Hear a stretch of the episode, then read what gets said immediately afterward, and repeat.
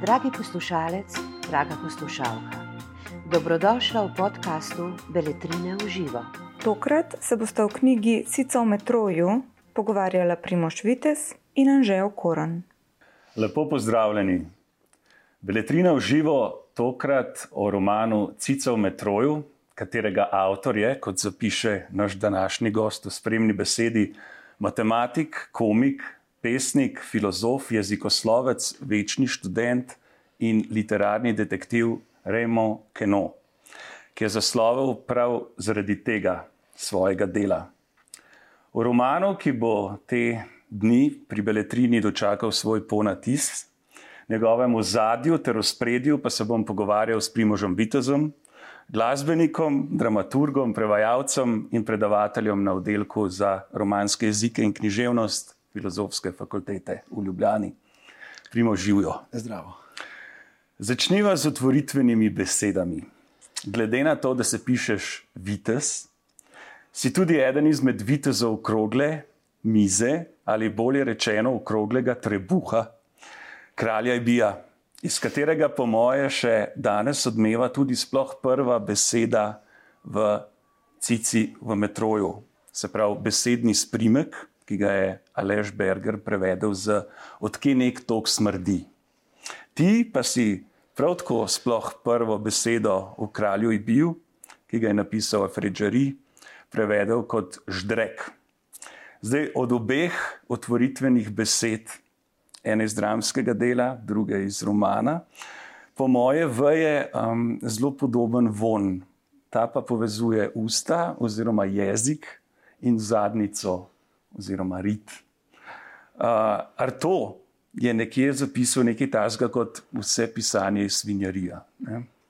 Ali se lahko za začetek pogovoriva o Kenojevem odnosu najprej do žarija, predvsem pa morda posledično tudi v njegovem odnosu do jezika, tako knjižnega kot pogovornega, ali še bolje, predvsem tistega vmes, se pravi v njegovi takšni ali drugačni rabi. Um, hm. Um, najprej hvala za v bistvu te komplimente. Jaz z veseljem sem uh, pri otrebušju uh, kralja Ibija. Um, ja, v zvezi z odkje nek tok smrdi in ždrek. Ne, to se mi zdi zelo relevantno vprašanje, tudi v zvezi s tem romanom. Uh, nekaj smrdi. Uh, zdaj, kaj smrdi, je pa, ko reko, zgodovinsko vprašanje, ki si ga zastavlja evropska vsaj civilizacija od Hamleta naprej, ko je bilo nekaj gnilega v državi Danske. Ne? To se pravi, uh, s tem smradom, uh, z uh, odkje nek tok smrdi, skratka z vonjavami iz javnih stranišč, avtori, vsi ti trije, ne Shakespeare.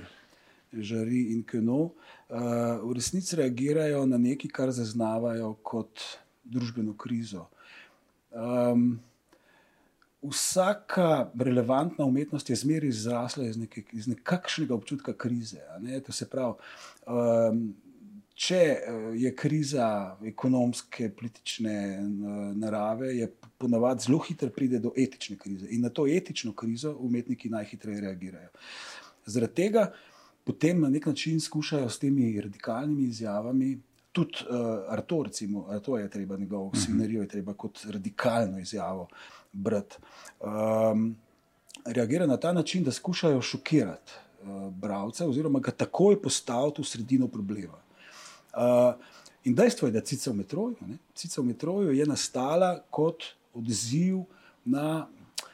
Uh, drugo stolno vojno in vse, kar se je dogajalo potem, vemo, da sicer po vojni obstaja neki čas katarze, ampak zelo hiter uh, ne, se te zgodovinske dogodke sprevržejo potem tudi v, uh, v svoje nasprotje, oziroma te katarze, ne, te, tam, tam, te, te obeti lepše prihodnosti hitro hiter potonejo. Um, v zvezi z žarijem. Ne, žari je ključna figura uh, za v bistvu praktično vse začetek francoske književnosti v 20. stoletju. To se pravi, da um, z ekipo Andreja Bretona. um, nadrealistov. ne, uh, In kasneje, tudi do 50-ih let, ko je bil ustanovljen uh, Collège de Pataphysique, a ne, to se pravi Patafizični kolegi, katerega je ustanovni član, je bil Raymond Queneau. Vse te uh, bistvene. Uh, bistveni francoski trendi v literaturi se na nek način sklicujejo na lik in delo Alfreda Žarija, alias kralja Ibija. Ja. Um, to seveda ni na ključje, žari je, žari je res postavil. Um, kako bi rekel, to prevratniško idejo znotraj umetniških izrazov skozi teater. Ne. Vemo sicer, da ni bil samo gledališki človek, ne, da je bil tudi pesnik in pisatelj, in naprej, ampak znotraj, uh, skratka, s tem tekstom, ključnim, uh, uh, kralj Ibi, ne, ki ga je napisal pri 15-16 letih ne, uh, kot, kot gimnazic, je v bistvu postavil neko točko revolucije, točko odziva ravno na ta smrad. Uh -huh. Keno sam je v bistvu potem tudi kasneje govoril, ne, da je uh, ta uh, francoski pisateljski literarni akademizem usmrjen. In zaradi tega ne, je uh, prvič tako radikalna izjava na začetku, in drugič vse, kar je Keno počel, skuša biti prevratniško znotraj ne samo francoske literature, ampak tistega osnovnega gradiva, gradbenega materijala za literaturo, ne, se pravi jezika. Ne, uh, Keno dejansko hoče narediti prevrat, revolucionirati francoski mm -hmm. jezik. In nekako je to nadaljevanje dela in lika žarija. Absolutno. Uh, ja, zdaj pa me zanima sama cica v metroju. Uh, Ozadje romana, zgradba, vsebina, vse do interpretativnih teorij, Freuda, v končni fazi tudi uh, vplival ali pa navezal na naprimer Nabokova, Lolito, uh, Piko Nogavičko, Astrid Lindgren, pa Kerolovo Alico. Ja. Uh, zdaj, te tri navezave so pravzaprav zrasle iz dejstva, ne, da je osrednja figura Cice v metroju mlada ženska. To se pravi, lahko rečemo tudi punčka, 14-15 let stara. Punčka, ki je prišla uh, z podeželja, mama jo pripeljala stricu. Ne, uh, na obisk za dva dni, pa pol, nekaj tasga, vse se zgodi v dveh dneh in pol, uh, v Pariz. Um, če govorimo o zadju, je v bistvu treba govoriti tudi malo o dobi. Se pravi, konc, konc druge svetovne vojne je bil za celo Evropo na nek način odrešitev. Vse, vse je to čutilo kot, kot, kot nekakšno odrešitev in neko odporo v neko bet. Nečesa lepšega, ne? odsotnost tega konstantnega strahu pred smrtjo, in tako naprej. Um, ni na ključe, da je postavil žensko v to v to, vlogo, v to, ključno, v to ključno vlogo. Kot si rekel, ni edini. Uh, Astrid Lindgren je naredila podobno v istem času, uh -huh. s Piko Nogavičko. Uh, in približno v tistem času je tudi na boku napisal Lolito. To se pravi, da gre za uh, v tem, kako bi rekel, času mirnega razcvetanja. -hmm. civilizacije, gre v bistvu za ponovni premislek o ženski emancipaciji. Vemo, da pač, recimo, ne, konc koncev, tudi pri nas se je zgodilo, da šele po drugi vojni so ženske dobile volilno pravico. Skratka, to je eno od bistvenih ozadij, se mi zdi, tega romana. Zdaj pa, kar se tiče Kenovega opusa, ne, je pa tako, da je Keno do takrat pisal bolj ali manj odmevne tekste, ki so jih brali večinoma bolj posvečeni ljudje, to se pravi ja. ljudje, ki so vse spoznali na literaturo. S tem romanom pa je on nenadoma zelo zaslovel in se je prodajal, v, zelo hitro je bil tudi ponatisnjen. Um, zdaj, razlogi, zakaj je to, zakaj je to tako, uh, so verjetno pač. Um, kako reko, tematske ali pa topološke narave. Uh, in po drugi strani, razvedlo se je, da je to napisano v nekem novem jeziku. Mm. Pravi, da, je tukaj, da je to igrivo, da je to smešno, da je to, to, je to zaposred. Ja. Če, če, če ostanejo prvi, ki nekdo smrdi, prvič reko in tako naprej. Um, uh, Zelo hitro se je v francoski kulturi zgodil tudi odmev na ta roman, mi grede. Zelo hitro je bila gledališka adaptacija, še isto leto, Sprav, to je šlo spomladi, decembra je bila že adaptacija, in potem naslednje leto je bil že film. Ja. Uh, še vedno zelo popularen film, še danes se šteje kot en ključnih filmov v francoski, v francoski eh, kinematografiji. Igrala sta Filip Noir, tega strička, uh -huh. pa, uh, pa uh, Catherine de Mongeau, ki je kasneje kot punčka, ne, ki je kasneje naredila, naredila uh, veliko kariero.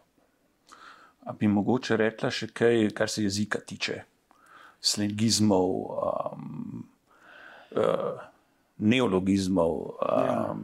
drugačne skladne, predvsem pa pogovornega jezika ne, v, v, v tem romanu. Kadar razmišljamo o jeziku, sploh literarnem jeziku, se mi zdi zelo dražljivo sklicovati se na enega največjih opazovalcev literature, sploh Rolana Barta. Ja. Uh, Roland Barth je, recimo, kako je on uh, definiral jezik in njegov smisel v literaturi. Uh, on pravi na neki točki v, v svojem nastopnem predavanju, Collège de France, pravi, da jezik bolj zapoveduje, kot pa dovoljuje. Se pravi, jezik kot sistem, da je jezik je neko, nek skupek enih pravil, uh, ki so. Take vrste, da če jih ne upoštevaš, se hitro to razume kot nek prekršek, kot nek prestopek. In tako naprej. Skratka, na neki točki celo pravi, da je jezik fašističen, uh -huh. uh, fašistična struktura. Uh -huh. Jasno, to se da videti tudi drugače. Ampak pravi, obstaja trik, s katerim mi to fašistično strukturo lahko pretentamo. In tej, temu triku se reče literatura.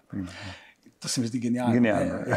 In, in prav, da, da skratka, kar je naredil Keno, to je, je točno to. Skratka, on je začutil, pa ne, ni bil edini, ampak on je to znal na nek način zelo jasno artikulirati in formulirati, uh, da uh, so načini, ko reko, posvečeni, stereotipni načini pisanja, uh, z izjemami, jasno, velikimi, vedno so velike izjeme, ne, kot so Selini in tako naprej, uh v mhm. francoski literaturi, uh, da je. Vse to postalo predvidljivo, uh, meščansko, in tako naprej, da tukaj treba nekaj narediti. In s svojim tem smislom za humor, ki je vse stranske narave. Mm. On sicer drugačen, bil zelo vesel človek, ne? bil je tudi znal biti zatežen, zelo, zelo strog, zelo tudi um, čemeren in tako naprej. Ampak to, to, to je v naravi komikov. Ne? Tako je, to je v realnem življenju. Zelo pogosto. ja, ja. No, ampak on je zelo cenil humor kot v bistvu neko življenjsko stališče. Ne? Se pravi, da je humor tisti način, se pravi, tista vrsta, tisti postopek odstopanja od samega sebe, s katerim lahko blaži in bolj elegantno na nek način uvidiš in samega sebe, in vse, kar te obkroža, in tisto, kar te zanima. Uh -huh. uh, in ker je njega najbolj od vsega, se mi zdi, zanimal jezik, to se pravi francoščina in francoska literatura, to se pravi literatura, kot taka. Zaradi tega se je potem on lotil v bistvu tega, te, te, te prekucuške ideje, da bo napisal roman, ki bo uh, zvenel, kot da bi ga napisal nekdo, ki nima nikakršne izobrazbe, nobene literarne ambicije, ki je človek iz ulice. Uh mhm. -huh. Jasno, da je to trik, to je ta mhm. trik. Uh mhm. -huh. In uh, uspel mu je, s tem, uh -huh. s tem ko, je, ko, je, ko je uporabil govor v resnici kot, uh, kot osnovni inštrument za literarno naracijo, sprav, za, za, za, za pletenje literarne strukture. So tudi bralci to prepoznali kot nekaj produktivnega, kot nekaj, s čimer se da identificirati. Uh mhm. -huh. Meni se zdi, da blazno so ga zanimale številke, ne? ampak če bi ga pa vprašal, kaj za res šteje, bi pa najbrž odgovoril jezik. Ja, ampak on je tudi svoj interes za matematiko. Ne? Upregu ravno Tako. v to. Ja. V, uh, vsi njegovi teksti so matematično zelo preštudirani. Mm. Pravi, od, začet, od začetka, ne, do, od Šendona, do potem on je recimo, napisal tudi neko pesniško zbirko, ki se imenuje 100 tisoč milijard pesmi, kjer je pač spet numerično vse zorganiziral. In je napisal uh, deset sonetov, ne, uh, um, ki, jih, ki, ki jih je narezal, ne, vsak vers posebej je narezal, da se da uh, to knjigo iz des, samo iz desetih pesmi v resnici prebrati na 10 na 14 načinov, ne pa 100 tisoč milijard. Um, Imam občutek, ne, da je uh, on ta svoj interes za matematiko, to obs obsedenost uh, s številkami, uh, tako uspešno realiziral v literaturi, ravno zaradi tega, ker je v tem začutil možnost, da natančno dozira duha Bolj kot, bolj kot zaradi neke strukture, zdaj, da bi, ampak da, da, da, for, da natančno, matematično formulira svojega humornega duha. Kaj pa aktualnost cice danes? Kaj praviš, zakaj jo je treba brati tudi danes? Ne? Gre za literarno klasiko, tudi zato je fajn, da bo prišlo do ponatisa. Ampak v bistvu bi te bolj poprašal, glede na vezave na naše literarne sodobnike. Ne? A, a bi lahko potegnil usporednice z nekim svežim, pravkar izdanim delom, leposlovnim delom. Um, pa po drugi strani me zanima pa tudi to, kaj če so, če sta Keno pa žari napovedovala nekaj čist drugega, kar se zdaj dogaja na, primer, na družabnih, družbenih omrežjih, na spletu, kjer gre pač govorica uh, po svoje, tako kot je šla v literaturi, ne, uh, za časa njiju. Ja, kar, ja, ja, ja, to, to, ja, to je zanimiva špekulacija. Uh, jasno, da v slovenski aktualni literaturi ne, imamo tudi primere tekstov, ki, posluž, ki se poslužujejo podobnih uh, prijemov, jezikovnih, ne, se pravi, da jemljajo iz neke jezikovne realnosti, ki ni nujno literarna. Uh -huh. Ne vem, pride mi na misel Andrej Skubic, pride mi na misel ja. Goran Vojnovič in tako naprej. Um, Meni se zdi aktualnost tega teksta bolj tiste narave, ki je značilna za vsak velik literarni tekst, v bistvu, ki živi onstran svojega časa. V, resni, v resnici je to. Um, Brezčasnost. Jaz tudi, na, jaz tudi od študentov na, na univerzi včasih dobim vprašanje in priporočim kakšno knjigo, pa me vprašajo, ali je to staro, ali je to star tekst. Pa, Kratka, to je nekaj, če ni relevantno vprašanje, zato ker najboljši teksti sploh nimajo svojega časa. Jasno, da so nastali v nekem času, ampak ta cica v metroju je en takih tekstov, ki ga treba poznati v bistvu kot del neke klasične literature. Kar se tiče, pa, skratka, to je kar se tiče jezika ja. ne, in v bistvu te, te igrivosti, to, to je res užitek brati. No, tako, mislim, tudi človek, ki ni navaden nujno. Brat bo tukaj doživel neko novo, drugačno, uh -huh. bravsko izkušnjo.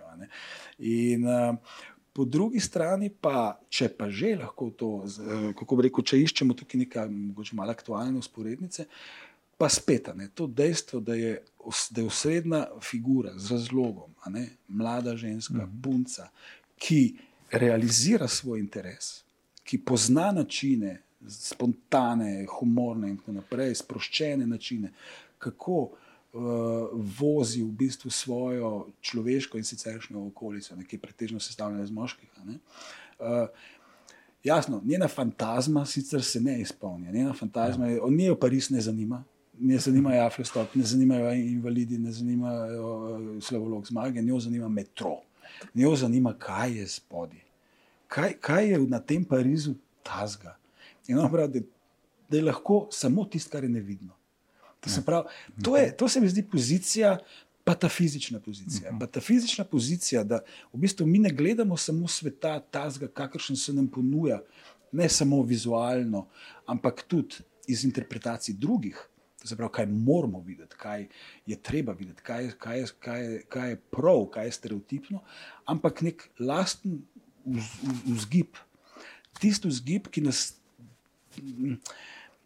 Uh, pelje proti temu, da skušamo ugotoviti, kaj je za stvarmi, kaj je, kaj je v bistvu. Ne? In ta mhm. metro je prekrasna prispodoba, ne? se pravi, njena želja potem, da bi spoznala metro.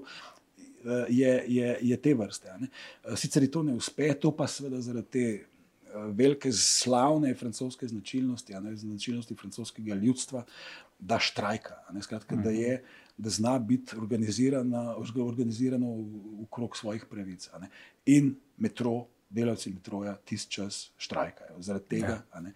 Skratka, to je neka dvojnost, ne, mhm. tukaj, skratka, ne, mo, ne zmožnost, da bi, da, da bi spoznal bistvo, ampak ta nezmožnost je velikrat banalna in si jo samo umišljamo. Mogoče lahko samo počakamo dva, tri dni, nekaj časa, pogledamo še drugače, najdemo boljši trenutek, pa vsem potem uh, doživimo.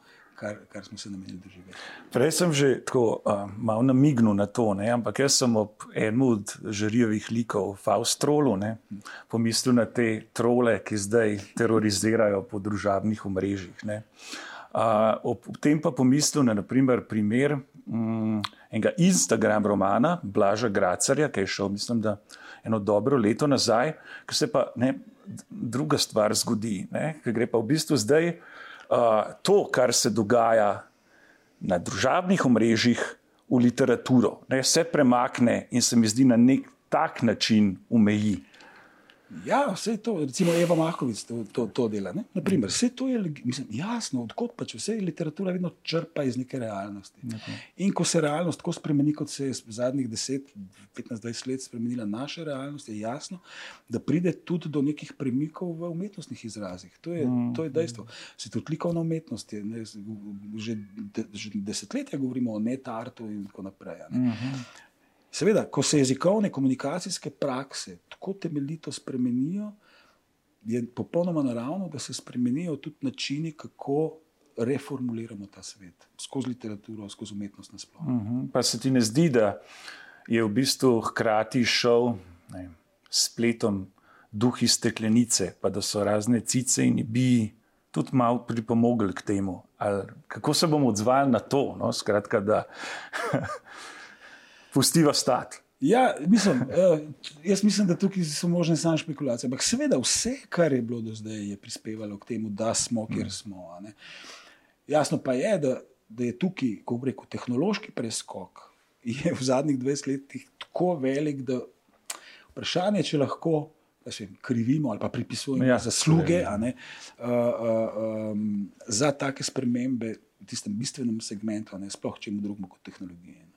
Mogoče bi se sam še malo dotaknil te teme um, jezika kot literarnega lika, ne, ali pa vsaj enega izmed njih. Um, Zdaj se mi je zelo, uh, um, ko je, ko je Keno govoril o tej brezkrbnosti, oziroma um, kako mora jezik postati rožnat. Um, čim imamo opravka z eh, pisavo, ker je polna besednih iger, slengizmov in po pogovornega jezika, se mi zdi tudi sam jezik postane rožnat in s tem tudi uh, literarni junak kot tak. Ja. Um, ja. To je že žaril projekt. V bistvu, to, kar je žari pisal, ne, zlasti za teater, je poskus, kako stlačiti v nek relativno majhen tekst vse načine izražanja znotraj enega jezika, ne. Tukaj je nekaj podobnega, ne, je namen podoben. Ki no skuša v bistvu uh, um, kombinirati zelo različne. Sej on ne, ne uporablja izključno pogovornega jezika, tako, on gre ja, tako kot ja. žarija. Ne. Tudi v neke viš, višave, ko reko, zelo estetsko, dovršenega uh mhm. -huh. literarnega jezika, obenem. Um, je pa to. Je pa to um, uh, na nek način občutiti kot, kot novost, kot izviren prijem. Vsak tak, um, vsak tak poskus je v resnici dragocen. Vsaka oblika, vsak način kritičnega gledanja, to se pravi na nek način metafizičnega, nepredvidljivega gledanja, je dragocena. Ne? To me spominja, kaj se jim, recimo Tomasa Bernharda, Avstrijci, nekateri še zdaj, ampak ga niso marali v resnici zaradi tega, ker jim je nastalo gledalo. Ne? Na nek način je podobno s Kenojevim jezikom. Uh, Bernhard je en največjih pisateljev 20. stoletja. In njegova, njegov kritičen pogled, tako kot Kenojev kritičen pogled na jezik, je prinesel nekaj, kar danes beremo kot sodobno klasiko. Uh mhm. -huh. Kritičen pogled in hkrati tudi upor, to ne vem, če smo dovolj izpostavljali. Vse za to gre. Uh, Če so ti avtori dovolj inteligentni, ja. da v bistvu ne, ne, ne um, črnijo ali pa ne kritizirajo v bistvu sam svoje okolice, tisto, kar vidijo, kar je okrog njih, tisto, kar se jih tiče kot v bistvu družbenih biti, ampak znajo tudi sebe ja. pogledati in reči, mislim, ja. sej, sem jaz tudi del tega. Ne? In to je tisto, kar postavi tisto češnjo na torto pri tem, kaj vidiš v enem avtorju. In keno, recimo, je ja. eno teh. Ja. En od teh velikih uh, umetnikov 20. stoletja, ne, ki so pač naredili to, kar danes poznamo kot mm. klasiko. Ja, mislim, da za konec samo še bolj ali manj skrivnostno, pa ta fizično vprašanje. Uh, kako pomemben je po tvoje apostrof v zapisu pata fizika? uh, pri tem apostrofu je ustrajal žarine v ja. Fostrolu. Um, Najprej, če vemo, kaj je pa ta fizika. Pa ta fizika je uh, do metafizike, to, kar je metafizika do fizike. To je zdaj zelo komplicirano, ampak v resnici je metafizika veda o izjemnem. To se pravi, tisti način gledanja sveta, kot ga je sposoben samo izjemen posameznik. To se pravi, žari na neki točki pravi, zakaj bi jaz žepno uro uh, razglasil za okrogu predmet, samo zaradi tega, ker jo vedno pogledam, takrat, kadar gledam, koliko je ura. Ker če jo malo obrnem, vidim, da je ovalna. In moj privilegij je, da lahko uro vidim tudi drugače, ne samo v njeni funkciji. In to je, se pravi, vsak ustvarjalen, izjemen individuum, pa seveda skuša na nek način, to, to je v naravi teh ljudi, ne skuša malo tudi mistificirati v bistvu svoje stališče in tudi uh, samega sebe. In ta apostrofa, ki je malo, kako bi rekel, mistifikacija, je, je, je to, da naredimo to besedo malo bolj skrivnostno. Jasno, mm. da ta apostrofa, ki izhaja iz grščine, ne, mm. da je polna diakritičnih znamen na, na, na, na tekstu, in da je to del te skrivnosti, skratka, vzete iz grščine, ampak pritaknjene k besedi, ki ni običajna beseda, ki je samo po sebi metafizična beseda in ki se je mora držati skrivnostnost. Primoš, hvala. Gledalcem hvala za ogled, pa lepo se starajte. Najlepša hvala za vašo pozornost. Za več knjižnih vsebin vas vabimo na www.beletrina.si in v našo knjigarno na Starem trgu 3 v Ljubljani.